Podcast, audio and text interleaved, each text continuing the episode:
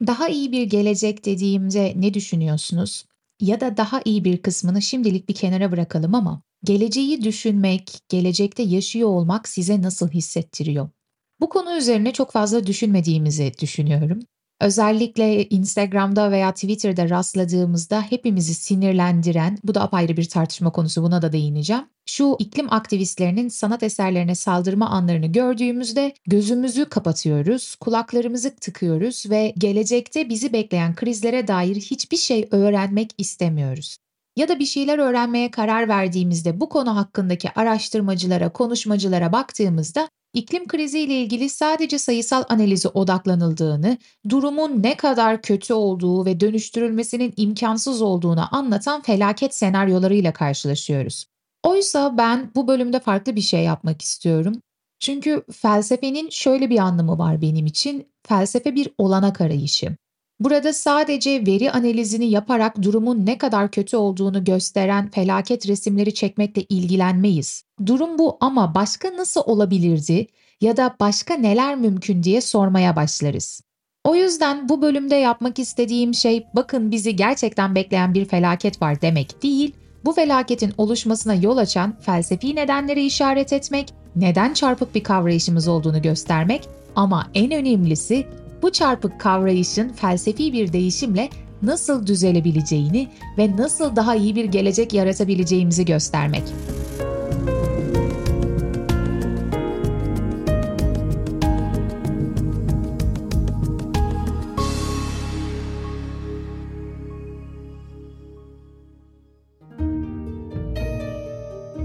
Bu bölüme mitolojik bir anlatıyı hatırlatarak başlamak istiyorum. Prometheus'un hikayesini çoğunuz biliyorsunuzdur. Prometheus tanrılardan ateşi çalmakla ünlüydü. Ama hikayede genellikle göz ardı edilen bir karakter daha vardır, Epimetheus. Prometheus'un kardeşi aslında. Prometheus önceden gören demek. Yani büyük bir öngörüyle hareket eden, ateşi çalan, kahraman karakterken Epimetheus sonradan düşünen demek. Çünkü o kardeşinin aksine öngörüsüz hoyratça davrandıktan sonra düşmüş olduğu pozisyonda ellerini başına koyup ben ne yaptım diyen karakterdir. Ve Epimetheus'un bu hoyratlığı, bu unutkanlığı, bu vurdum duymazlığı genellikle insanla ilişkilendirilir. Bizim de bu hikayeden almamız gereken ders her şey olup bittikten sonra tıpkı Epimetheus'un pozisyonuna düşmemek için yani sonradan ben ne yaptım dememek için başlangıçta durumun felsefesini yapmak sanırım. Peki gezegene karşı gösterdiğimiz bu vurdum duymazlığın sebebi ne? Ya da bu vurdum duymazlığı bir kenarda tutarsak hani bir de hümanizm gibi bir kavramdan söz ediyoruz ya. İnsanı merkeze koyarak onun yeteneklerini yücelten bir anlatı olarak özetlenebilir. Bir tarafta vurdum duymazlık, bir tarafta hümanizm varsa bunları ben şu an e, böyle bir ikiliye ayırıyorum. Nasıl bir ilişki var ya da birbirlerinin nedeni sonucu olarak görülebilir mi? Benim burada dikkat çekmek istediğim şey şu. Evet, gezegenimizin geçirmekte olduğu ciddi bir dönüşüm var ve maalesef ki bu dönüşüm olumlu yönde değil ve aslında bakıldığında mevcut krizlere yol açan neden de politik veya teknik değil, en temelde felsefi bir kriz. Bununla şunu demeye çalışıyorum. Bizler ne zaman geleceğin dünyasında bizi bekleyen krizlerden bahsetmeye başlasak hemen teknik açıdan yapılan e, yanlışlardan söz ederiz ya da yanlış politikalardan söz ederiz ama kimse şunu sormuyor. Bu teknik ve politik nedenlerin altında yatan yani bizi böylesine vurdum duymaz bir şekilde doğayı tüketilebilir bir kaynakmış gibi görmeye iten temel faktör neydi? Felsefeciler bazen can sıkıcı bir şekilde her durumda işin e, felsefesini yapmaya girişirler ve böylesi durumlarda bir grup insan karşılarına geçip şunu söyler. Felsefe yapma şu an. İşte bu felsefe yapmak için uygun bir zaman değil. Bana kalırsa felsefe yapmak için daha uygun bir zaman olamaz. Çünkü gezegen üzerindeki değiştirici kitlesel etkimizi ifade etmek için yeni bir çağ isminden söz ediyoruz. Hani jeolojide çağlar vardır ya gezegenin tarihini böleriz. Bunlardan bir tanesi antroposen ve antroposen kelimesindeki o antropos insan demek. Düşünebiliyor musunuz? Jeolojik çağları değiştiren bazı faktörler vardı. En sonuncusu büyük yok oluşu hazırlayan faktör bir asteroitti. Şimdi gezegen üzerindeki etkimiz bir asteroide eşdeğer görülerek aslında bizden yola çıkarak yeni bir çağ adı gündeme taşındı. Şimdi buradan itibaren konuya baktığımızda mevcut felsefi görüşlerimizin ya da geleneksel olarak insan doğa kavrayışımızın ne kadar sorunlu olduğunu görmeye başlıyoruz. Ve tam da zaten insan ve doğa arasındaki bu çarpık anlayış diğer bütün teknik, politik, ekonomik faktörlere yol açıyor. Ben başka bağlamlarda sürekli şunu hatırlatmaya çalışıyorum.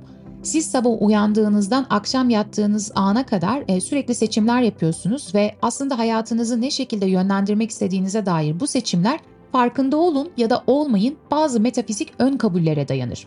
Yani önce metafizik vardır, sonrasında mutluluk, etik, ahlak, yaşam vardır.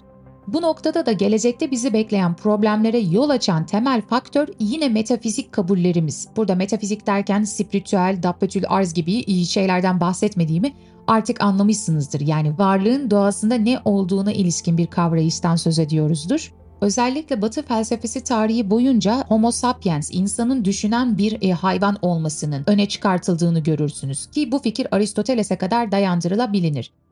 Şimdi böyle olunca insan kendisini ne olmadığı üzerinden sürekli bir değirleme üzerinden kavradı ve insan düşünen bir hayvan olarak diğer canlılardan, varlıklardan daha üst hiyerarşik bir pozisyona yerleştirildi.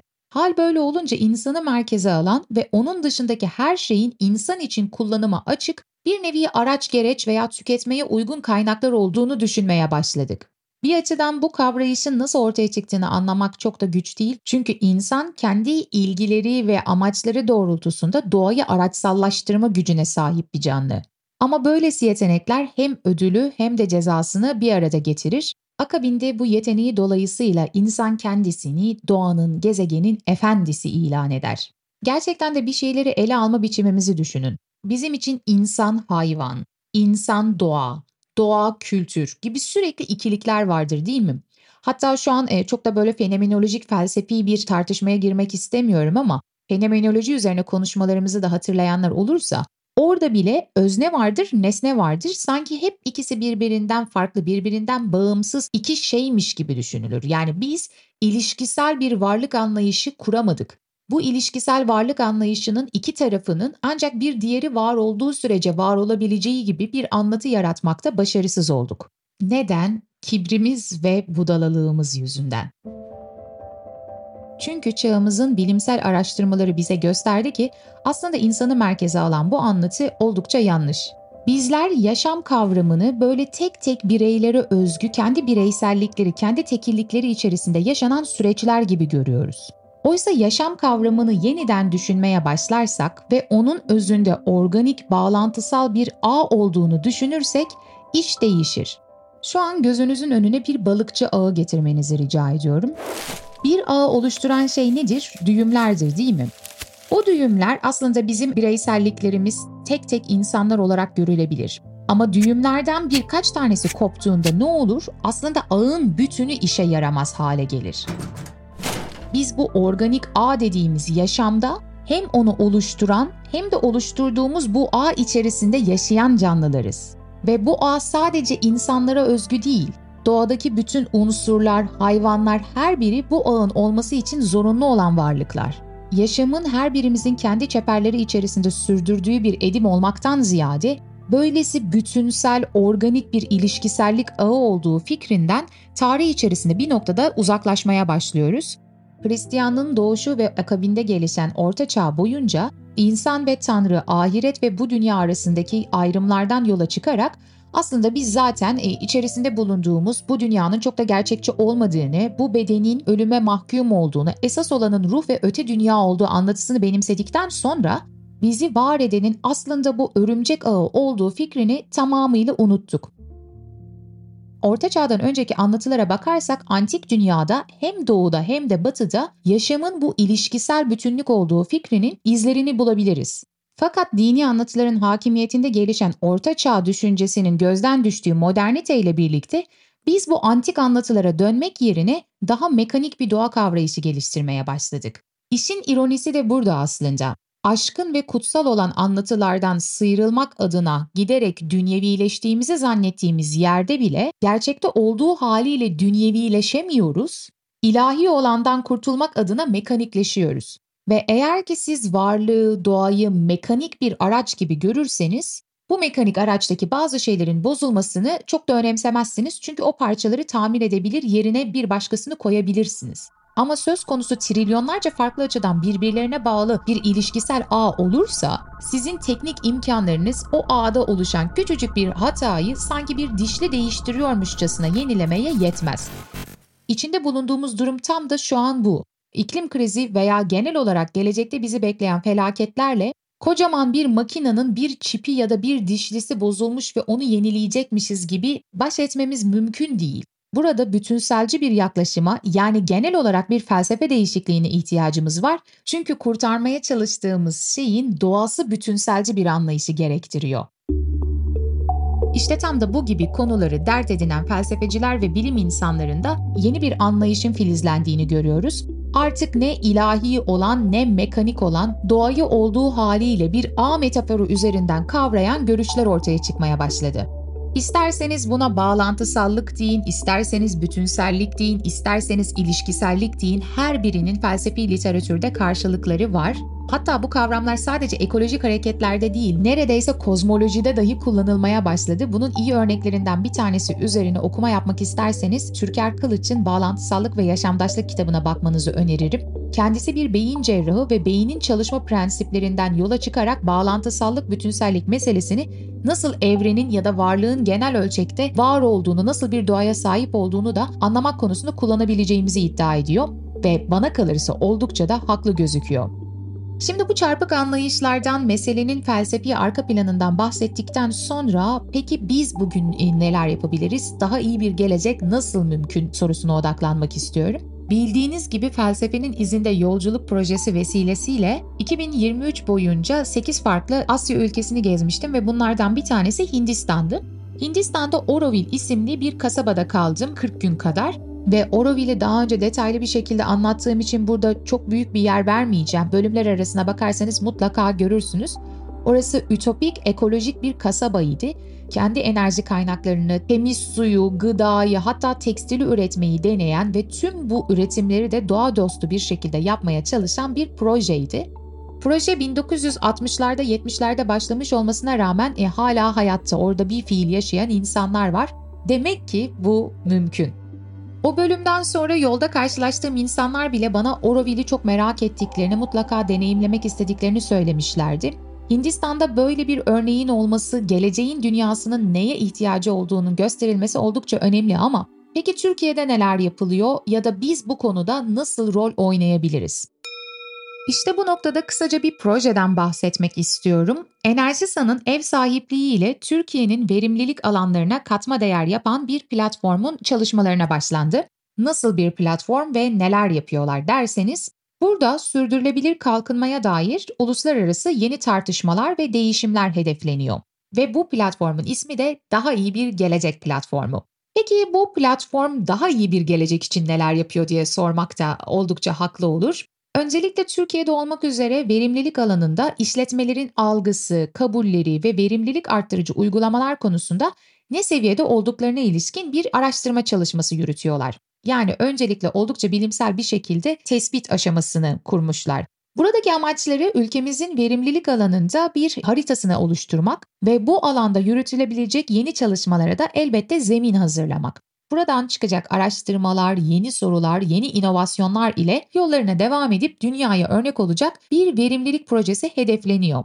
Eğer ki ilginizi çektiyse ya başka neler yapıyorlar diye merak ettiyseniz açıklama bölümünde bir canlı yayın linki olduğunu göreceksiniz. Daha iyi bir gelecek platformundan. Buradaki lansman etkinliğinden kısa bir bölümü dinletmek istiyorum. Kendimce bu yolculuğun nereden başladığını anlatayım çok kısa. Çünkü bir hikayenin hep başında insan var. Yani böyle elektrik diyoruz, enerji diyoruz ama insanla o insanın çevresindeki olaylardan etkilenmesi, onda uyandırdığı duygularla hikaye başlıyor. Algılarımız başlıyor. Esasında elektrik enerjisinin nasıl önemli bir icat olduğunu, mucizevi belki bir icat olduğunu ihtiyacımız olduğu anlarda yaşıyoruz. Biraz önceki kayıt 20 Temmuz 2023 tarihinden Daha iyi Bir Gelecek platformunun lansmanından demiştim. Kıvanç Zaimler projenin motivasyonunu işte böyle anlatıyor. Özetle işin meraklıları aramızda ise detaylı araştırmalara ve proje bilgilerine erişmek için açıklama bölümündeki bağlantıya gidebilirler. Şimdi bunlar pratikte nelerin yapılmaya başladığına ilişkin şeylerdi ve ben işin yine felsefesine dönmek istiyorum. Peki felsefi ortam bu konuda ne gibi değişiklikler yaptı? Yani biz bazı sorunlara işaret ettik, çarpık anlayışlar olduğunu söyledik ve bu çarpık anlayışın bütünsel, ilişkisel bir varlık kavrayışıyla değişmesi gerektiğinden bahsettik. Ama bundan bahseden filozoflar var mı veya günümüzde bir ekoloji felsefesinden söz etmek mümkün mü? Gerçekten de bakıldığında 21. yüzyılda ekoloji alanında çalışan pek çok filozof görüyoruz. Onlar çevresel etik, sürdürülebilir doğa felsefesi veya ekolojik sorunlar gibi konularda önemli katkılarda bulunuyorlar. Bunlardan birkaçından bahsetmek istiyorum. İlk olarak Rosie Braidotti'den söz edeceğim. Braidotti bir ekoloji filozofu olarak görülebilir mi? Çok da emin değilim ama kategorilere çok da aldanmayalım derim. Braidotti'nin anlatmaya çalıştığı şey tam da bölümün başlangıcından beri yaptığım o insanı merkeze alan antroposentrik yaklaşımın nasıl yanlış olduğu. Yani insan hayvan, insan doğa gibi ikilikler üzerinden düşünüyoruz ya da düşünmek istiyoruz ama aslına bakarsanız o bize insanın karmaşık bir ağ içerisinde diğer canlılar, teknoloji ve çevre ile etkileşim halinde olduğu bir dünya görüşünü benimsememiz gerektiğini savunuyor ve bütün postmodernist anlatı yani 1960 sonrası kıta felsefesi içerisinde çıkan felsefi görüşlerde öznenin, insanın hatta bu hümanizmin eleştirildiğini görürsünüz. Çünkü insana ilişkin yapmış olduğumuz tanım zaten başlangıçta yanlıştır. O yüzden Braidotti gibi filozoflar öznelliğin geleneksel tanımını sorgulayarak onu çoklu, değişken, bağlamına göre şekillenen, ilişkisel bir ortamda kavramayı denerler. Şimdi bu ilişkisel bağlantısallık, bütünsellik gibi kavramlardan söz ettiğimde bir şeye işaret etmek istiyorum. Burası bence önemli. Türker Kılıç'ın kitabında da vardır. Bizim elimizdeki matematiksel araçlar bile böylesi yeni bir ilişkisel doğa felsefesini ya da ilişkisel bir ontolojiyi kurma konusunda yetersiz kalmış. Türker Kılıç bunu beyin bağlamında anlatıyordu ama zaten e, şimdi şey diyeceğim büyük resmi görüyor musunuz? Beyine ilişkin yapmış olduğumuz araştırmalar çıkmaza giriyor, evrene ilişkin yapmış olduğumuz araştırmalar çıkmaza giriyor, doğa konusunda yapmış olduğumuz kategoriler bizi felakete sürüklüyor ve o noktada diyoruz ki ya bizim bu ikili kavrayışımızda bir hata var ve bizim bütün matematiksel araçlarımız da ancak böylesi bir hesap kitaplamaya uygun düşüyor. Peki esasen bu organik bir bütünsellikse biz bunu yeniden nasıl matematiksel olarak ifade edebiliriz demeye başlıyoruz ve 2015 yılından itibaren matematikte devrimsel bir değişiklik oluyor. Bayezyen olasılık teorileri ön plana çıkmaya başlıyor. Yani dünyaya ilişkin, varlığa ilişkin kavrayışımızdaki değişiklik matematikte de farklı olanakları araştırmaya doğru bizi götürüyor. Çünkü bunu böyle anlatması kolay ama gözünüzde şunu canlandırmanızı istiyorum. Her şeyin birbiriyle ilişkili olduğu bir ağın matematiksel resmini nasıl çıkartırsınız ki ona ilişkin e, sonrasında araçlar üretin veya krizleri aşın. Şu an her ne kadar bebek adımları atılmış olsa da içinde bulunduğumuz dönemde felsefi paradigmanın ciddi bir değişim yaşadığını göstermek istiyorum. İsmini anmak istediğim burada birkaç ekoloji filozofu daha var. Bunlardan bir tanesi Aldo Leopold. Leopold çevre etiği ve ekolojik düşünce alanında öncü figürlerden bir tanesi o da insanın doğayla nasıl etik bir şekilde ilişki kurması gerektiği konusunda araştırmalar yapıyor ve düşünceler ortaya koyuyor.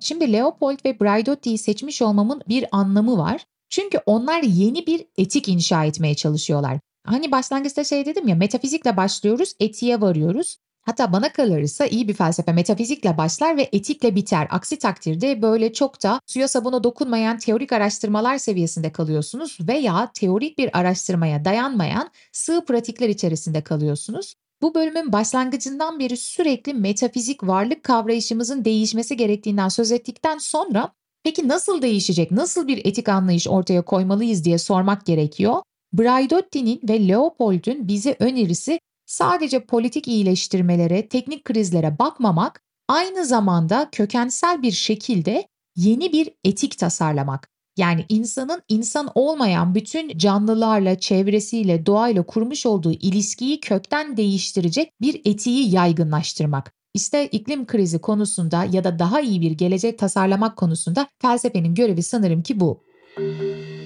Başka isimler daha var. Arne Naes gibi Norveçli bir filozof ilk kez duyuyor olabilirsiniz ve derin ekoloji hareketini de başlatan düşünür olarak biliniyor. Naes'in de söylediği en önemli şey şu, doğanın kendi değerine sahip olması. Yani doğa bize bir araç olarak hizmet ettiği ölçüde değerli değil. Doğa kendi başına bir değere sahip. Hatta bu bakış açısını şöyle bir yere vardırmak istiyorum. İnsanlar genelde şey der. İklim aktivizmi yaptıktan sonra veya sürdürülebilir bir gelecek tasarladıktan sonra işte biz doğayı kurtarmaya çalışıyoruz gibi başka çarpık bir anlayış var. Bizim doğayı kurtarmaya çalışma anlatımız bile insanı merkeze alan kibirli bir anlatı. Biz kimiz ki doğayı kurtarmaya çalışıyoruz diye sormak istiyorum. Çünkü biz olsak da olmasak da doğa kendi içsel mekanizması gereğince kendisine var olmanın farklı olanaklarını bir zorunlulukla yaratacak. Neden? Doğada otopoiesis dediğimiz içten kendi kendini örgütleyen bir sistem var. Yani kendi kendini yaratan bir sistem var. Evrimsel süreç bunun en iyi kanıtlarından bir tanesi. Özetle biz olmasak da doğa o veya bu şekilde var olmaya devam edecek. O yüzden kurtarmaya çalıştığımız şey sadece doğa değil, aynı zamanda kendi türümüzün devamlılığını sağlamak ama bu türün devamlılığını yeni olması gereken etik bir tarzda düzenlemek. Elbette ekoloji felsefesi sadece bu üç isimle değil, bu liste giderek arttırılabilir. Çünkü çeşitli disiplinlerden birçok filozof aslında çevresel sorunlar ve ekolojik düşünceye katkı sağladılar. Ben burada yeri geldiğinde bir beyin cerrahından söz ettim. İsmini vermedim ama yaşam nedir sorusuna geri dönmeyi öneren kişi aslında Erwin Schrödinger'di. Farklı farklı alanlardan insanlar kendi alanları ve ilgileri uyarınca düşüncede devrimsel bir yere doğru gidiyorlar ve vardıkları yer her defasında aynı gözüküyor. Bu noktada da aklıma şey geliyor. Rönesans'ın bir düşüncesidir bu. Mikrokozmos ve makrokozmos arasında ilişki. Yani evreni anlamak istiyorsak önce insanı anlayalım demişlerdi. Bu yüzden işte insana odaklandığımızda insandaki sistemi çözersek genel ölçekte evreni de anlayabiliriz gibi bir fikir vardı. Beyin araştırmaları ve doğa evren arasındaki bu ölçeklendirme meselesi de bana enteresan geliyor. O yüzden özellikle beyindeki çalışmalar veya sinir bilimden örnekler verdim. Çünkü beyin üzerine yaptığımız araştırmalar da bize bütünsel, ilişkisel bir varlık kavrayışına geçmemiz gerektiğini söyledikten sonra doğa üzerine yaptığımız araştırmaların da aynı prensibe dayandığını görmek aslında genel ölçekte varlığın ne olduğunu anlamak konusunda bence oldukça ufuk açıcı ve bu durum beni epey heyecanlandırıyor. Bundan birkaç yüzyıl sonra yazılacak bir felsefe tarihi olursa muhtemelen içinde bulunduğumuz zamanı yeni bir düşünce çağına geçiş olarak ele alacaklardır diye düşünüyorum. O yüzden daha iyi bir gelecek için hepimize düşen görev başlangıçta politik anlamda büyük bir değişikliğin yapılması için bu değişikliğin talep edilmesi elbette çünkü biz bu talebi ortaya koymadığımız müddetçe politik anlamda da bir değişiklik yapılmayacaktır. Ama konu sadece bu taleplerde bulunmak değil, aynı zamanda doğadaki yerimiz ve onunla ilişkimiz üzerine yeniden düşünmek, bu felsefi kırılma anını anlamak ve onu kendi ailemize, arkadaşlarımıza, çocuklarımıza anlatmak. Çünkü ben felsefe değişmedikçe politik sonuçların da değişeceğini düşünmüyorum sürdürülebilir bir gelecek yaratmak sadece gündelik pratiklerimizin sürdürülebilir bir tarzda yapılması anlamına gelmiyor. Aynı zamanda sürdürülebilirliği odak noktası olarak kabul eden yeni bir felsefeye de geçmemiz gerektiğini gösteriyor. O yüzden şu hatırlatmayla bölümü kapatmak istiyorum. Aslında yeryüzü insanı değil, insan yeryüzüne aittir. Daha iyi yarınlarımız olsun. Gelecek bölümde görüşene dek meraklı kalın.